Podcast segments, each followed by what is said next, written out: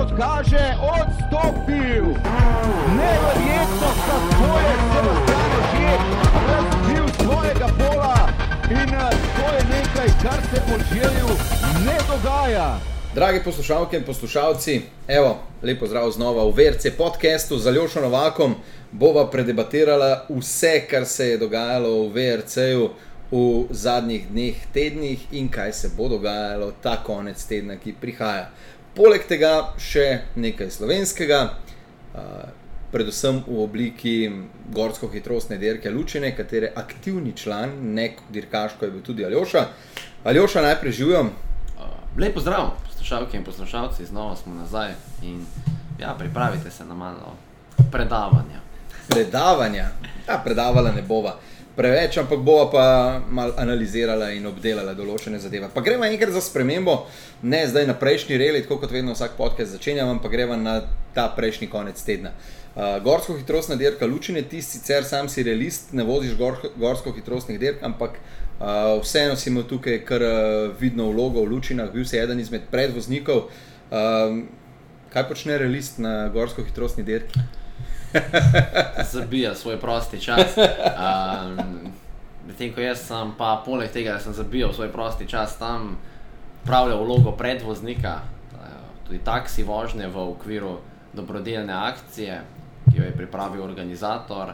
Pa glavna naloga je bila zabavati vse sopotnike, gledalce ob progi, tudi sebe sem zabaval. Da, mislim, da smo se vsi imeli super ta vikend. Zdaj, glede na to, da si rekel, da si šel zabavati sebe in uh, gledalce z makadamskimi nastavitvami in gumami po asfaltu, je najbrž to sploh zabavno. Ja, super, zabavno je bilo, sploh potem, ko sem se malo ogrel, ko sem začutil sebe in dirkalnik, tem pa je ratalo. Super, zabavno, uničili smo en komplet pneumatik, so bili sicer že tako in tako uničeni, ampak sedaj jih pa ni več, šle so prav faktori, ostale neki na cesti.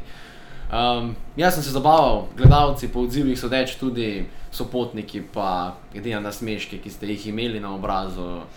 Tudi ti si bil eden od sopotnikov, ja. tako da vsi nasmeški na obrazu so povedali več kot dovolj. Moram pa pravic povedati, da odkar za Ljošo komentira Vareli, um, sem vedno imel željo, ok, z marsikaterim dirkačem sem se že pelil, ampak dejansko s tabo sem se prav hotel pelati. Da vidim, če tako dobro voziš, kot govoriš. In? Odlično je bilo. Uh, šla sem v nedeljo zjutraj, prva vožnja, ki pa je najbolj zoprna od vseh, ampak uh, uh, jaz sem se mu noro fajn. Tudi jaz Zate, sem, vem, upam, ja, da... tudi jaz sem užival, vse vedno uživam, vendar prva, prva vožnja je vedno le prva vožnja, prijem je nekoliko drugačen, kot je bil prejšnji dan zvečer, oziroma proti popoldnevu. Ali občutek v avtu ni vsak dan povsem identičen, vendar zelo hitro po nekaj zavojih sem se vklopil se zbudil in se potem cel dan noro zabaval, in minilo je prehitro. Vam pa povem iz prve roke, katera je najljubša ročica ali še novaka v dirkalnem avtomobilu. To je ročna zavora. Ja, sploh na takih promocijsko, taksi, zabavnih vožnjah, ja, tem, ko na dirki kar nekako bolj piše, don't touch. Na, takem pa se človek sprosti, ki ti vožnja predvoznika, je pa vsem nekaj drugega kot tekmovalno, kaj ti tisto, ko daš konkurenčno številko na bok, tam potem postane tekmovanje, vedno gledaš uro, ne glede na vse. Sicer se zabavaš, vendar je obremenitev, je pritisk, gledaš uro. En kot ura ni pomembna, niti časov nismo merili, niti me iskreno povedano ne zanima, kaj ti na meni je bil zabava. In zabavali smo se, pripeljali brez kakršne koli neumnosti v cilj, kar je glavni namen predvoznika. In to je tisto pravo, tisto najbolj pure kar je dirkanje, za kar sem začel dirkati, zgolj zabava in 100% sproščenost v dirkalniku. In to je bilo to, kaj ne rečem. Hvala še enkrat organizatorju in vsem, ki ste se dirko ogledali, pripravili, vsem, ki ste se peljali z mano in pa svojim, svoje ekipe, ki je. Ja, morava, ki, je znova, mi, ki mi je znova po domače rečeno, tvoj sovoznik, tvoj sovoznik Matej Čar je bil dejansko deklica za vse kot je dostkrat naloga sovoznika, tisti, ki želite biti sovozniki, naj vas to ne odbija, ampak to je del tega. Deklica. Dejansko moramo povedati, za vse si. Vse je delo, v kombinezonu nas je oblačil, čelade zapenjal, Hansi pretrjeval, menjaval kolesa, uh, ne vem, če se ni počel tam. Še vodo smo dobili od njega. Ja, skrbi za vse je človek, izredno skrben človek. Uh, tudi, tudi dobro vem, zakaj ga imam na svoji desni strani. Je, kar človek ne more narediti z obema rokama, je on tista desna roka, še ena ali pa celo dve na momente. Tako da, ja, um, res gre za super človeka, asistenta in res naredil je levji delež, da, je, da so ti taksi vožnje v okviru naše ekipe potekale nemoteno, da ste vsi uživali in vsi doživeli vsaj delček tiste prave sovozniške izkušnje, vendar to še ni tisto, kar je sovozniška izkušnja, to je bilo bolj taksi vožnje in zabava, da ste izkusili adrenalin. Pa je, da je imel uh, eden izmed novinarjev Šport TV manjše težave na poti. A, dobro, to je bilo, a, dobro, dobro, dobro, dobro. To je bilo zjutraj, ko smo Nisem šli, bil jaz, nisem bil jaz. ko smo šli zjutraj na ogled proge, ko smo šli posnet progo za reportažo, ki bo tudi za vikend v okviru studija na Šport TV-ju, tudi reportaža celotne gorsko-hitrostne dirke, opis proge, nekaj posnetkov in kadrov, tudi Gregor je žvaba v akciji na sovozniškem sedežu. Ja, Vabljen tudi tja, in ko smo si ogledovali progo, ja, na zadnjem sedežu, te super dolgega Mitsubishi, ki ga imam za civilno rabo, sedel zadaj, delal zapiske v zvezi s progo, ja, in nekoliko postalo slabo, vendar vse skupaj je bilo zelo počasi, ampak ja, neprijetno je pisati, gledati v zvezek na zadnjem sedežu dolgega avtomobila po zaviti cesti, tako da mu je oproščeno. Sorry, Blaž, nisem si mogel pomagati, ni šlo drugače. Uh, še ena stvar, ja, reportažo si ti povedal, uh, v studiu vse boste izvedeli o lučinah, tako da mislim, da lahko s tem. Studio je v 15 uri napovedan, No, ne? tako je. No, v no. okviru tega studija med uh, dirkami motokrosa boste lahko spoznali GHD Lučine 2017. Upam, Matej, da ti nisi kakšne sozice zdaj lepo točil, uh, ker so te tako lepo hvalila.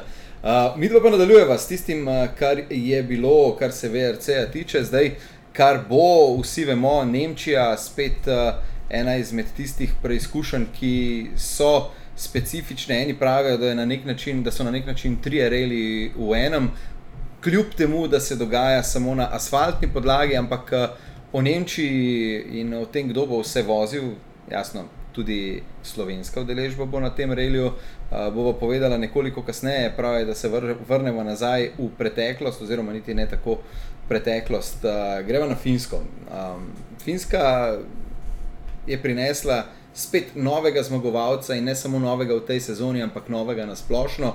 Nekoga, ki je odpeljal zgolj peščico VRC oziroma reljev za svetovno prvenstvo v ta pravem VRC dirkalniku SAP Kolapija. Ampak vseeno ne moramo biti presenečeni, Aljoša. Ne, ni bilo tako zelo veliko presenečenje, kar že, že v prejšnjem podkastu so povedali, da je v širšem krogu favoritov za zmago. Sam sem ga štel tja, definitivno v ožjem krogu dobitnikov podijuma, to sigurno je bil. Tudi sam je računal na uvrstitev na zmagovalne stopničke, morda ne prav na zmago. Vendar že po petkovem delu se je pokazalo, da je eden od dveh, ki bosta realno ogrozila zmagovalno stopničko, torej on in pa njegov ekipni kolega Jari Mati Latvala, sta bila od, že od štarta dirke povsem enako vredna v boju za zmago. Uh, Seveda, razumljivo, vozil je najprej v dobri štartni poziciji, kar je sigurno v petkovem delu relija mu pomagalo, mu je šlo kot voda na mlin. Drugo, domača dirka, dobro jo pozna, dobro pozna razmere na tej dirki, tudi zapiske iz tega naslova lahko naredi perfektne. Tretje pa Toyota gre za finsko ekipo in opravljali so testiranje na finskem največ testov, prav na takšnih cestah, verjetno tudi v neposrednji okolici cest, kjer so hitrostne preizkušnje, morda tudi na samih hitrostnih preizkušnjah in iz tega naslova tudi dobre nastavitve, dobra navoženost dirkalnika in pa dirkalnik razvit na teh cestah, kar je pomenilo določeno prednost, kar se je v letošnji sezoni že pokazalo večkrat. Tam, kjer so dirkalniki testirani, tam so pa vsem konkurenčni, kajti treba je videti, gre za novo generacijo dirkalnikov in vsi so nekoliko tipali in tam na točno določenih cestah, kjer so testirali in upravljali razvoj, tam je dirkalnik nekoliko bolj dominanten napram ostalim, vendar to se bo v naslednjih letih spremenilo, ko bodo tehnične posodobitve in pa vse podatke zbrali in dirkalnike naredili bolj univerzalne in Finska, Finska iz tega naslova bolj Toyotina dirka kot dirka kogarkoli drugega. Zdaj, eh, Toyota je bila dominantna tudi z vidika Juha Haninena in do težav z elektroniko tudi Jarija Matija Latvale. V nekem trenutku bi se lahko obetali celo Toyota in 1, 2, 3. Ja. Um, na koncu Latvala z odstopom, kar je bilo za njim veliko razočaranje, ker tako novil kot uh, sploh pa uh, Ožje, ki je vodilni bil uh, do tistega trenutka v skupnem seštevku, Ja, nista, me- Ožje sploh ni imel relija po tisti nesreči, ampak novil ni imel dobrega relija in Latvala bi zmago lahko v bistvu oba praktično ujel. Ja, Dio Tanak, slaba predstava Ja, za njega. tudi Tanak Dobro, Tanak sicer je imel dobre predstave, to ne moramo tu mimo tega, vendar je imel je težave v začetku relija, v enem od zavojev, bil preširok, zadev skalo ob cesti, prebil pneumatiko, eh, poškodoval lažje svoj dirkalnik, ga sicer popravil na etapi, vendar izgubil dve minuti časa. Ampak kljub temu nadaljeval z dobrimi vožnjami, vendar dve minuti sta bili izgubljeni, težko jih je nadoknaditi na reliju s tako majhnimi razlikami, tako da rezultatsko slaba dirka, vendar generalno gledano sicer dobra dirka, s hitrostjo je bil tam, verjetno bi bil v boju za zmago. Ampak točkovni izkupiček za slab, Terino Vil, kot si omenil, slab točkovni izkupiček, želel bi si več, že odstopil nula in z tega naslova bi Latvala lahko se prebil kako mesto više, morda priključil v boju za naslov prvaka, v tem trenutku pa je zelo, zelo udaljen, tako kot je Tanak. Oba sta daleč stran, kar nekako sta že in pa novi še vedno tisti naskok prednosti držite. No, o tem, kako tesno je prvenstvo, bomo govorili čez kakšno minuto. Še prej bi mogoče samo šel skozi rezultate finske uh, lapi, potem pa je kazalo še pred Power Stageom, da bo Toyota imela ena, dve z Juhom Haninenom, ampak uh, Elfin Evans je bil fantastičen v zaključku finske. Ja, Elfin Evans, ena boljših dirk v letošnji sezoni, sicer petek nekoliko slabši, že kazalo, da ne bo niti med najboljšimi petimi, potem pa v soboto kot prerojen našel nove nastavitve. Z inženirji so očitno našli tisto pravo rešitev in dobesedno je letel tudi po razpredelnici navzgor, navzgor se vzpenjal, časi bili tisti pravi in Elfin Evans znova potrdil, ko so ga že nekateri odpisali v tej sezoni, da ni tisti pravi po razočaranju v Argentini, znova našel tisti mojo, a, pokazal, zakaj je povsem upravičen tovarniški voznik M-Sporta in pa Demaka. In si zagotovil prav na Power Stage drugo mesto, vendar to je bilo nekako pričakovano že pred Power Stageom, že v prvem prehodu iste hitrostne preizkušnje je kar konkretno biro časa oduzel Juhu Haninenu, tako da tudi v drugem prehodu se je to pričakovalo in Evans je res letel je naredil po filmu. No, ampak tri desetinke so. Dobro, šlo je za loterijo sekund in stotink, vendar kar veliko časa je nadoknadil na Power Stageu in nekako se je računalo, da Evans je sposoben prehiteti Hanina, na Hanina pa zelo, zelo zrela dirka za njim. Um, tretje mesto prvič v karieri na podiumu in pa brez kakršne koli neumnosti in tudi tretjega mesta je bil zelo, zelo vesel in dokazal, da je sposoben biti hiter, tudi na stopničke se vrščati in pa zelo zrelo odpeljal dirko, ni na zadnjem hitrostni preizkušnji ali ob koncu dirke napravil kakšne neumnosti. Uh, Temo Suninen, uh, tudi eden izmed Fincev, trije Finci med prvimi štirimi, uh, ni presenečenje, ampak ja. si presenečen, da je Suninen tako visoko. Glede na to, da ja. Ja. je letos šele drugič v Ja, drugič v drugič v dirkalniku. Ja, vendar je nastopil na obeh dirkah, ki mu že iz preteklih let odgovarjata. Um, tako da, dobro, dobre predstave je kazal cel vikend, bil v boju za podium in potem na predzadnji hitrostni preizkušnji napravil napako, zletel z ceste in imel srečo, da je sploh lahko nadaljeval. Tista ve- nesreča je bila. Ja, Ja, jaz, sem, se- jaz sem, ko sem videl, sem bil prepričan, da, da je Ja, to več konec. sreče. Oziroma, razmišljal sem o tem, kako sploh lahko nadaljuje. Ja, imel je srečo, enostavno dirkalnik je tako odvrtelo, da je vstal na štirih kolesih na cesti, hladilnikom ni preveč poškodoval, imel nekaj rezervnih delov s seboj in orodje, da je to popravil, Eh, potem se zgolj pač odpeljal čez Power Stage in to je to.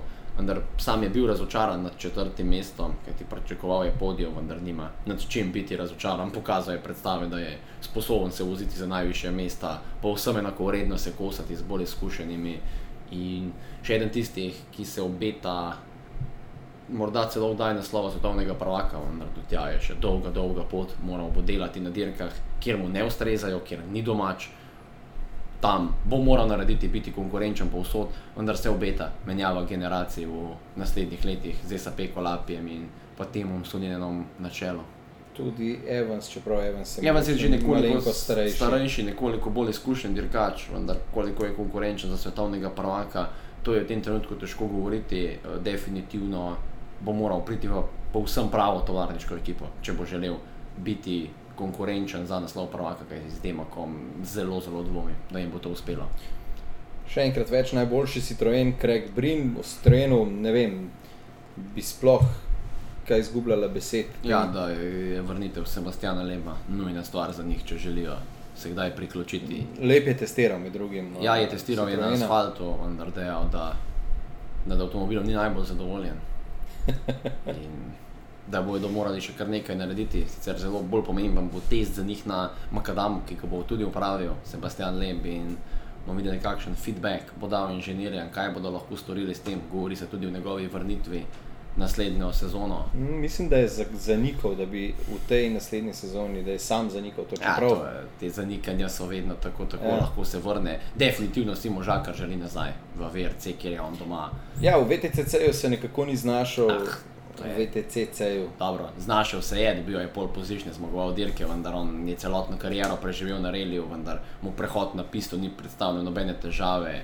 Dobro, ni bil prvak. No, to je vendar- tisto, kar mu je manjkalo. A ker vendar Jaz bil mislim, je da je eden- šel v VTCC s tem, da še tam osvoji naslov prvaka. Nisem on je šel zato, ker je moral, ker pač enostavno v VRC ni bilo več prostora za njim, ekipa se je tovarniško umaknila. Enostavno ne, moral je ostati v Citroenovi zasedbi, če je želel biti del te ekipe in to je bila edina opcija, je bil odhod v VTCC. Želel si je verjetno tudi novega izziva, ga tam našel in bil konkurenčen, eden redkih dirkačev, ki mu prehod med kategorijami dirkanja ni predstavljal večjega izziva. Na pisti je bil vedno hiter, v Le Manu je v končni fazi usvojil, vse je bil sezona 2006, drugo mesto v skupni razvrstitvi v VTCC-ju, bil svetovni podprvak, Rally Crossu se povsem konkurenčno vozi na cross country dirkah, je rel- Ja, to so te cross country ustrajnostne ja. dirke. O, je sposoben dobivati etape, tudi v končni razvrstitvi, biti med najboljšimi tremi, kadar se mu poklopi. Tako da najbolj univerzalen dirkač, daleč naokrog in pa en najbolj talentiranih in njegov talent nesporno. Ga Citroen ne sme kar tako zavreči, tudi njegovo mnenje nekaj šteje pri Citroenu. In kot smo videli posnetke v tistem držju s C3, kot dejansko ne bi nikoli sploh izstopil iz dirkalnika, enostavno možak. Saj tudi ni, vedno je dirkal in Rail, ampak Rejli ostaja tisto, kar je njemu primarno, kjer je on doma. On je realist po duši in srcu in to je celo svoje življenje počel in tudi vrnitev, mislim, da ga zanima in po mojem mnenju, če bi dobil dober avto, bi bil resen, resen tekmec. Avto, ki ga bo on najbrž pomagal razviti. Ja. Zdaj pa tisto, kar je na nek način najbolj razveseljujoče v tem delu sezone VRC-ja, in to, je, to sta prvo in drugo mesto. Jaz osebno se ne spomnim, kdaj bi štiri dirke pred koncem bila dva dirkača izenačena. Da je bilo v sezoni 2000 ali je bilo 11, mislim, da je bilo 11 ali pa 12. Skratka, predolgo nazaj. Ja, nekaj let je minilo od tega, tedaj sta bila, še, ko je nastopil še Sebastian Leb in njegov največji tekmec, bil tedaj Miko Hirvonen. Ko sta speljala naslov na zadnjo dirko, potem Hirvonen zletel z ceste v Angliji v tista drevesa, Točno. se ni moral, enostavno Točno. moral odstopiti, ni moral nadaljevati z dirko. Potem je imel težave še Sebastian Lep, ko je eden od gledalcev na etapnem delu zapeljal van, Eh, sta imela nesrečo, odstopil in če bi tedaj Hirvonen zgolj prišel v cilj, bi bil svetovni prvak, vendar je odstopil dirkalnik, preveč poškodoval in ni bil med dobitniki točk. Tako da Sebastian Lep bil prvak, vendar Hirvonen na, svojo, na zaslugo svoje izredne zanesljivosti pripeljal naslov do zadnje dirke, vendar v trenutkih, ko je šlo na nož, je bil prvi, ki je napravil napako in zletel z ceste na hitrostni preizkušnji. Enostavno ni zdržal tempa Sebastiana Lema. Zdaj, situacija je taka, oba sta izenačena. Govorim seveda o Thierryju Novilu in uh, Sebastianu Ožjeju. Novil uh, uradno v vodstvu zaradi več zmag v tej sezoni. Uh, prihaja, prihaja derka, ki je, dobro, če rečem, da je Novil upisana na kožo, ne na zadnje tudi Ožje je na asfaltu fantastičen, ampak dejansko derka, kjer je razlika med obema izjemno majhna. Ja, gre za sila specifično dirko. To ni tisti asfalt, ki smo ga spremljali na Korziki, kjer so hitrostne preizkušnje si med sabo bolj kot ne podobne, kot si že omenil v začetku. Gre za tri različne relije. Najprej tisti del po vinogradih, sicer letos kar nekoliko v manjšem obsegu, zgolj dve hitrostni preizkušnji po tistih uh, vinogradih, ki smo jih že vajeni. Gre za super oske hitrostne preizkušnje, polne blata, brez tistega pravega oprijema. Uh, vozi se po nekakšni betonski podlagi, potem menjav, konstantne menjave oprijema, uh, z- so razmerno visoke povprečne hitrosti, glede na širino ceste, ogromno peska, blata, res um, neravno cestišče, po domače rečeno, zelo razfukane ceste, ogromno tistih uh, odtočnih kanalov, kjer Ej, dirkalnik. ne bom pip noter, da brez skrbi. Ogromno tistih kanalov, kjer dirkalnik premetava. To povedal mi je tudi naš predstavnik, ki ga bo kasneje omenila, moj mlajši brat Tim Novak, ki je sicer dirko peljal že dvakrat in je dejal, da super zahtevne hitrostne preizkušnje. Potem sledijo eh, na Baumholderju tisti uh, imenovani pancar plate po tankovskem poligonu, kjer gre za 50 km zlorabe dirkalnika. Uh, Ker ne smeš narediti zaradi Hinkelsteina in tistih Dobro, tisti Hinkelsteini sami po sebi, to so zgolj na nekaterih odsekih. Gre Ja, za eno pa- najtežjih hitrostnih preizkušenj nasploh. v zgodovini, en najtežjih. Nikoli v dveh letih se ni bila enaka. Na po eni strani, po tistih betonskih blokih, enormen oprijem, abrazija do pneumatik, huda, neprijazna hitrostna preizkušnja do pneumatike, ki ti vemo, dajo štiri nove pneumatike in po pancar platu pripeljejo štiri. Um, Uničene. štiri, ja, v bistvu bolj kot ne žico nazaj. Da, in žico in platno, to je kar ostane od gume. Potem po drugi strani se znotraj v gozdu zamenja oprijem do tega, da nič ne drži, do super hitrih odsekov, do najpočasnejšega odseka na dirki, do tega, da se ne seka, ker to preprečuje Hinkelstein, do tega, da je cesta polna blata, ogromno menjav ritma, od hitrega, počasnega, vse, kar lahko Križišč. Križišč neomejeno, menjave ritma v gost, kjer je ponavadi vlažno, po odprtem, kjer je lahko suho, potem se uprijem na sami hitrostni preizkušnji menjuje. Tudi raz, vremenske razmere se lahko zelo hitro spremenijo, tako da Baumholder in z njim pancar plate ponudite vse karte lahko po J na celi črti in to je tisti znameniti del relija po Nemčiji, potem pa še tretji del, tiste odprte hitrostne preizkušnje po bolj po odprtem, kot ko bi rekel, po heh, countryside, ne vem kako je sploh prevod. Podeželju. Po podeželju Nemčije, južno od Trierja, ste nekoliko širše ceste, vendar ogromno peska nasekanih in pa brutalne hitrosti na nekaterih odsekih, kot preko prevojev letijo dirkači več kot 150-160 km/h skozi uvinke, kjer je cesta polna peska in blata. In vse tri konfiguracije med seboj čisto različne, do pneumatik, do nastavitev, do stila zapiskov, do sloga vožnje. In to je vse, kar je po Nemčiji ponudil v treh dneh. Tako da super težka dirka. No, mislim, da je Aljoša v tem, tej razlagi povedal praktično vse, kar morate vedeti, da spremljate Nemčijo. Tudi na športeve, že v četrtek zvečer bova začela uživo ob sedmih. eh, No, tu pa je še četrti del relija po Nemčiji, je pa super specialen. Tako da od četrtka naprej in do Power Stage v nedeljo boste lahko izdatno vedeli, kaj se dogaja na reliju po Nemčiji. Uh, Reli po Nemčiji uh, ima Thierry Novil, lahko rečemo, v kar malce čudežnem spominu. Uh, če se, dve leti nazaj, če se ne motim, je um, pobral kar precej grozdja na Shakedownu. 2014. 2014, tri leta nazaj potem. Ja. Uh, se je skotalil, človek bi si mislil, ok, tega avta živ Bog več ne sestavi skupaj. Ja, živ bo, za živega boga, ne vem, ja, ekipa Hyundai, ga pa je. ga pa je In uspela. to do te mere, da je na koncu tudi po spletu okoliščin in odstopov Ja, to pa je ena najboljših, en najboljših zaključkov VRC Terino dirke. bil zmagal ta režim. Ja, to pa je bil en najboljših zaključkov v zadnjih letih. Naj, prvi, ki je plačal ceno Nemčije in tistih vinogradov in peska v vinogradih, je bil Sebastian že, ki je zapeljal z ceste v Robnik, poškodoval kolo, moral odstopiti. Vmes se malce še zgubil na tistih cestah. Ja, ko je v bistvu v eni dirki odstopil dvakrat. Ja. In padel tist, preko tistega trometrskega zidu, bi mislil človek, da dirkalnik ne gre nikamor, pa je nekako poizkušal do zadnjega priti, vendar enostavno nista našla s voznikom nazaj. Enostavno mimo avtov, gledalcev se ni dalo priti in sta bila prisiljena odstopiti. Potem še v Robniku končala in enostavno ostala brez boja za kakršne koli redne točke. Naslednji je bil v sobotnem jutru ali Mati Latvala. Ki je imel praktično zmago na platu. Ja, pa jo je zapravil, potem naslednji, ki jo je zapravil. Dve hitrosti preizkušnje je preživel vodstvo, je bil Kris Mik, ko je na sekanju na blatu, zdaj mislite, hitrostna preizkušnja, Grafschaft, zapeljal v zid, poškodoval dirkalnik. Pa niti ni izgledalo tako ja, hudo, ampak je odtrgalo. Ja. Kolo, najboljša izjava, še vedno ostaja njegov sovoznik. oh, Chris, come on. In to je bilo to, kako sta zaključila razočaranje in potem ena in dve za Hyundai, prva zmaga Terija Novila in pa drugi Dani Sordo na Hyundai domači dirki Hyundai, gre za nemško ekipo, bazirano v neposrednji okolici Trierja. Na isti način kot je Toyota Finska. Ja, tako, mislim, no, naravno v neposrednji bližini ne, ampak zelo blizu imajo bazo v Alcenavu, so stacionirani, tako da domača dirka in neizmerno veselje Hyundaija, medtem ko zanimivo. Uh, leto poprej je pa edino svojo zmago v Nemčiji dosegel Dani Sordo, pa pred Terijem Novelom in tudi na zadnji hitrostni preizkušnji sta se odločila, tako da Nemčija je ponudila zmago dvema, svojo prvo zmago v karieri Terijo Novelo in pa Danijo Sordo in pa še enemu dirkaču. Pa boš pa ti verjetno vedel, kdo je že prvi, prvič v karieri zmagal v Nemčiji. O, Terino Vino, Dani Sordo, tretji pa Sebastian Lep.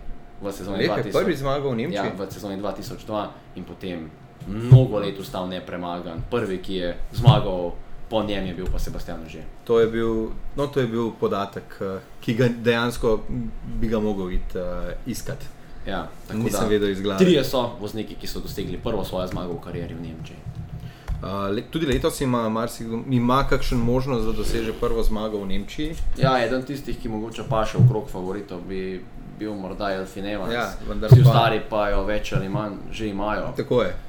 Ti vemo, kot smo sedaj govorili, okrog favoritov pašejo. Pa seveda, Sebastian že terenovel. Eden tistih, ki je zelo osko, ga jaz to vrščam okrog favoritov, je tudi Chris Mick, kaj ti enostavno. Nima več česa zgubiti, v Nemčiji je bil vedno hiter, odgovarjamo, pozna dirko, Citroen dirkalnik, bil že na Korziki, konkurenčen za zmago, tako da tudi Chris Mick, morda tudi Latvala. Tem pa seveda, Dani Sordo, eden tistih, ki se mislim, da najbolj veseli asfaltne dirke in pa morda eden glavnih kandidatov za stopničke in pa celo zmago. Zanimivo je, koliko francozov je zmagalo eh, reli po Nemčiji od leta 2002 do leta 2016. Oziroma dva francoza, ampak uh, Več ali koliko manj. francoskih zmag. Več ali manj samo francoske Ja. zmage vmes, zato prekinila Dani Sordo in pa Terino Ven. In danes sordo zanimivo celo Citroenu. Ja, teda je Terino Vil pa v Fortu Fiesti, ko je na zadnji hitrostni preizkušnji, bil je boj v sekunde v tisti sezoni, na zadnji hitrostni preizkušnji podržal, zletel z ceste, kar globoko po cesto pade, vendar je imel to srečo, da je cesta zletel v levem ovinku, malo niže je sledil desn, desna serpentina in je imel to srečo, da je tam, kjer je zletel z ceste, lahko prišel niže, nekje na hitrostno preizkušnjo, sicer izgubil kar nekaj časa, vendar dovolj, da je zadržal drugo mesto in Dani Sordo dosegel svojo prvo in do tega trenutka edino zmago v karieri. Seveda Še bo- še zanimiv podatek, devet zmagovalcev v RC dirki imamo na štartni listi, jih znaš našteti, prvotno jih je bilo deset. Zakaj? Listek imaš v roki, veš? Ja, mislim, jaz, jih- jaz jih poznam na pamet, prvotno jih je Eh. bilo deset, vendar Mac Osberg ne bo nastopil. Točno, ja, ne bo nastopil, Sicer mišljeno je bilo, da bo nastopil v razredu VRC2 s Fiesta R5. ampak je tudi to odpovedal, če se ne motim. Povedal je nastop, kajti nastopil je teden dni pred uh, tem na dirki Relija za Evropsko prvenstvo na Polskem, uh, Reli Rezov, kjer je pa moral odstopiti zaradi tehničnih težav s servo volanom in dejal je, da enostavno nima prave evolucije dirkalnika, da bi to lahko rešili. Eh, Dejal je, mehanizem se da usposobiti, vendar težava je v softveru dirkalnika in se boji, da se bo ta napaka ponovno pripetila, kajti zgodila se je iznenada, brez opozorila, zgolj v enem zavoju je ostal brez servo volana, potem 4 ali 5 km do cilja pretrpel. Tisti, ki ste si ogledali posnetek na YouTubu, si ga lahko še, če si ga niste, vidite pravo trpljenje in dejal je, da si tega ne bo več privoščil, da bo počakal, da dobi prave posodobitve na dirkalnik. Uh, sploh tale Rally Rezov je bil kar uh, brutalen za Ja, in končno en tistih pravih relijev. Vse, dobro, izgledalo je brutalno, koliko napak, vendar to je tisti pravi relij, visoke hitrosti, ogromno peska, zahrbtne hitrostne preizkušnje, nes, neskončno prevalo in skokov po polskem podeželju in pa seveda dirkači. So se preveč, nekateri so bili preveč optimistični, morda napake v zapiskih in pa končalo se je kar z ogromno izleti, nekateri so imeli tudi kasneje izlet v bolnišnico za nekakšno opazovanje, ampak sreči brez kakršnih koli hujših poškodb, prazen, nekaj uničenih dirkalnikov. Kot so dejala, tudi. Ja, nismo še dejali, devet zmagovalcev ima še za oj, naštetje. ja. Na štartu je devet zmagovalcev. Ja, devet, ki jih je že zmagalo dirko za svetovno prvenstvo. Oh, ja. zdaj si me pa dobil. Mislim, Dobro, se ni tako težko. ni, ni težko. Uh, novil, sordo, uh, potem uh, jasno ožje, Da. uh, tukaj je mik, uh, Ja. potem uh, imamo na štartu še, vidiš ti blackout, uh, SAP Kalapi, Da. Jari Mati Latvala Ja. uh, in še dva ostaneta. Še tri ti ostanejo, Kako rekel si devet, devet jih je. jaz sem pa na sedem. Izabeka Lapi, Mik, Požije, Novel, Sordo in Latvala. Manjkajo ti še trije. Pa vsi so, vse so že spremljali v živo zmagati. Daj, povej, povej, ker bo predolga. Dva prihajata iz zelo unikatnih reli dežel po številu zmagovalcev, eden pa je Norvežan. Andreas Mikkelsen je Norvežan. Mikkelsen, točno. Mikkelsen je Norvežan. Malo sem, mal sem že prečrtal ga v tej sezoni. Pa... Pa... Ni v tej sezoni zmagal, vendar je zmagoval v Ne, ne, ne, prečrtal sem ga. Uh, A, kot, sploh eh, nisem pomislil, da je na štartu. No, ja, ja, če sem iskren. Še dva sta, eden je iz bolj eksotične države, eden je pa zelo daleč. Resno, Aljoša. Gre za Ojta Tanaka in Hayden Penn. To je blackout, drugače, ampak v redu. Okay, ne, v, kvizu, Leti kviz, ne. v kvizu ne bi bil doma. Ne, jaz sovražim kvize, če sem iskren. Dobro, ti so, Sovražim kvize. dobro, to niso Uh, težki kvizi, lahko ti dam težek kviz. Čakaj, si bom jaz zmislil en kviz do naslednjega podcasta za tebe, boš ti že videl. Huh. Ne, uh, greva zdaj na tisto stvar, eh, ki si jo tudi že delno omenil, pa bova mogoče kakšno besedo, dve še več o njej spregovorila. Uh, Nemčija in tvoj brat Tim. Uh, znova, To to. Ja, uh, znova z Oplom Adamom uh, in nemško sovoznico, um, Ti imaš zelo rad sovoznice, kaj ne? raj kot sovoznike, če sem iskren. Uh, Tebi ti ne bi bil zelo dober, vedno. ne, um, veš, ko me zmedeš, ne, in potem uh, mi Kaj pa malo... razmišljaš o sovoznicah? Začni razmišljati o sovoznikih in, te- in tako bo lažji svet, bolj bo zbran, tudi sovoznik bo zbran in stvar bo rešena.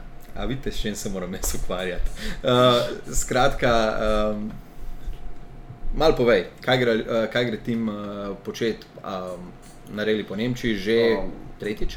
Tretjič za povrsti Ja. že, da. A kaj gre početi na redi? Dirkat, v ja, dirkat, ja. Um, nastopa v nemškem Opel pokalu, to je nekakšna taka odskočna deska za uh, mladeniče, za mlajše dirkače.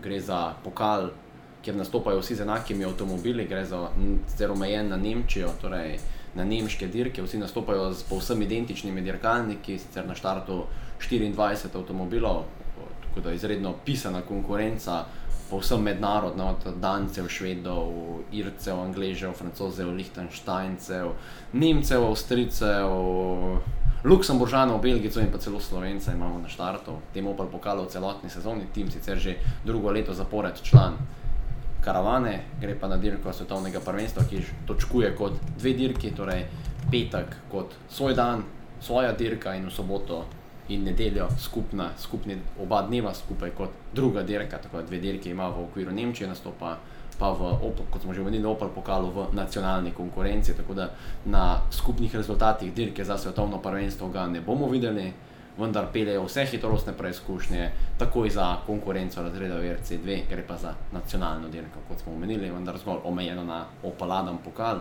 ter pa kar solidno pred to dirko stoji v, kot četrto uvrščeni skupno v nemškem pokalu, tako zelo dobro uvrstitev. Do tega trenutka zelo konstantne vožnje v letošnji sezoni tima in pa glavna nagrada Opel pokala, kot že vsa leta do sedaj, tovarniški sedež v naslednji sezoni v Evropskem pokalu v Oplovi mladinski ekipi. Tako da kar lepa odskočna deska in tudi lepa nagrada za zmagovalca. Še eno vprašanje, kdaj boš ti spet tekmovalno za volanom? No, kar nekaj časa je še do tega. V, mislim, da je v začetku septembra se odpravljam v Nido de l'Aquila, isti vikend kot je na sporedu rej za slovensko državno prvenstvo v Gorici. Isti vikend se odpravljam v osrčje Italije, v Umbrijo, na eno krajšo makadamsko dirko, potem pa malo na dopust na Sardinijo. Sardine se prav veseliš, ne? Eh, kaj naj ti rečem? Ja, nikoli v življenju še nisem bil na Sardiniji in nekaj hitrostnih preizkušenj, oziroma izsekov hitrostnih preizkušenj istih kot na svetovnem prvenstvu. In seveda se veselim, vedno so mi bile dobre dirke, ki so daleč stran od doma, daleč stran od um, kako bi rekel, da ne bom preveč kontroverzno izpadel iz tega kroga slovenskega dirkanja, ker si daleč stran od vsega in dirkaš zgolj za zabavo in sebe nihče te ne pozna in ti ne poznaš nikogar in to je super. In pa novo okolje, predvsem sredini. Na sredini še nisem bil, želim si vedeti, kako izgleda. Super. Uh, verjamem, da bodo tudi rezultati taki, kot si želiš. Uh, mi dva bova tale podcast počasi zaključila, spet sva tisto magično mejo pol ure, kar uh, precej, hm, precej nekaj minut presegla, ampak verjamem, da bodo vsi zdržali, predvsem pa bodo zdržali zra- z nama med uh, spremljanjem Arelija po Nemčiji v četrtek, petek, Ne, petek, nismo. petek ni, v četrtek, soboto in nedeljo. Tako. nedeljo, tako je. In v nedeljo eh, potem še reportaža iz Lučin. Iz Lučin, tako da realistično dirkaški vikend je za vas poln, drage poslušalke in poslušalci. Na Šport TV, torej bodite v naši družbi. Loša, hvala za tole. Ja, hvala za povabilo in sodelovanje in se slišimo v četrtek ob, zdaj ob 8 uri ali pa ob 7. O, v četrtek je ob sedmih Ob zvečer. 7 zvečer. Tako je. Uh, lep teden vam želim in uh, se slišimo. Hvala Čau. za pozornost. Dio.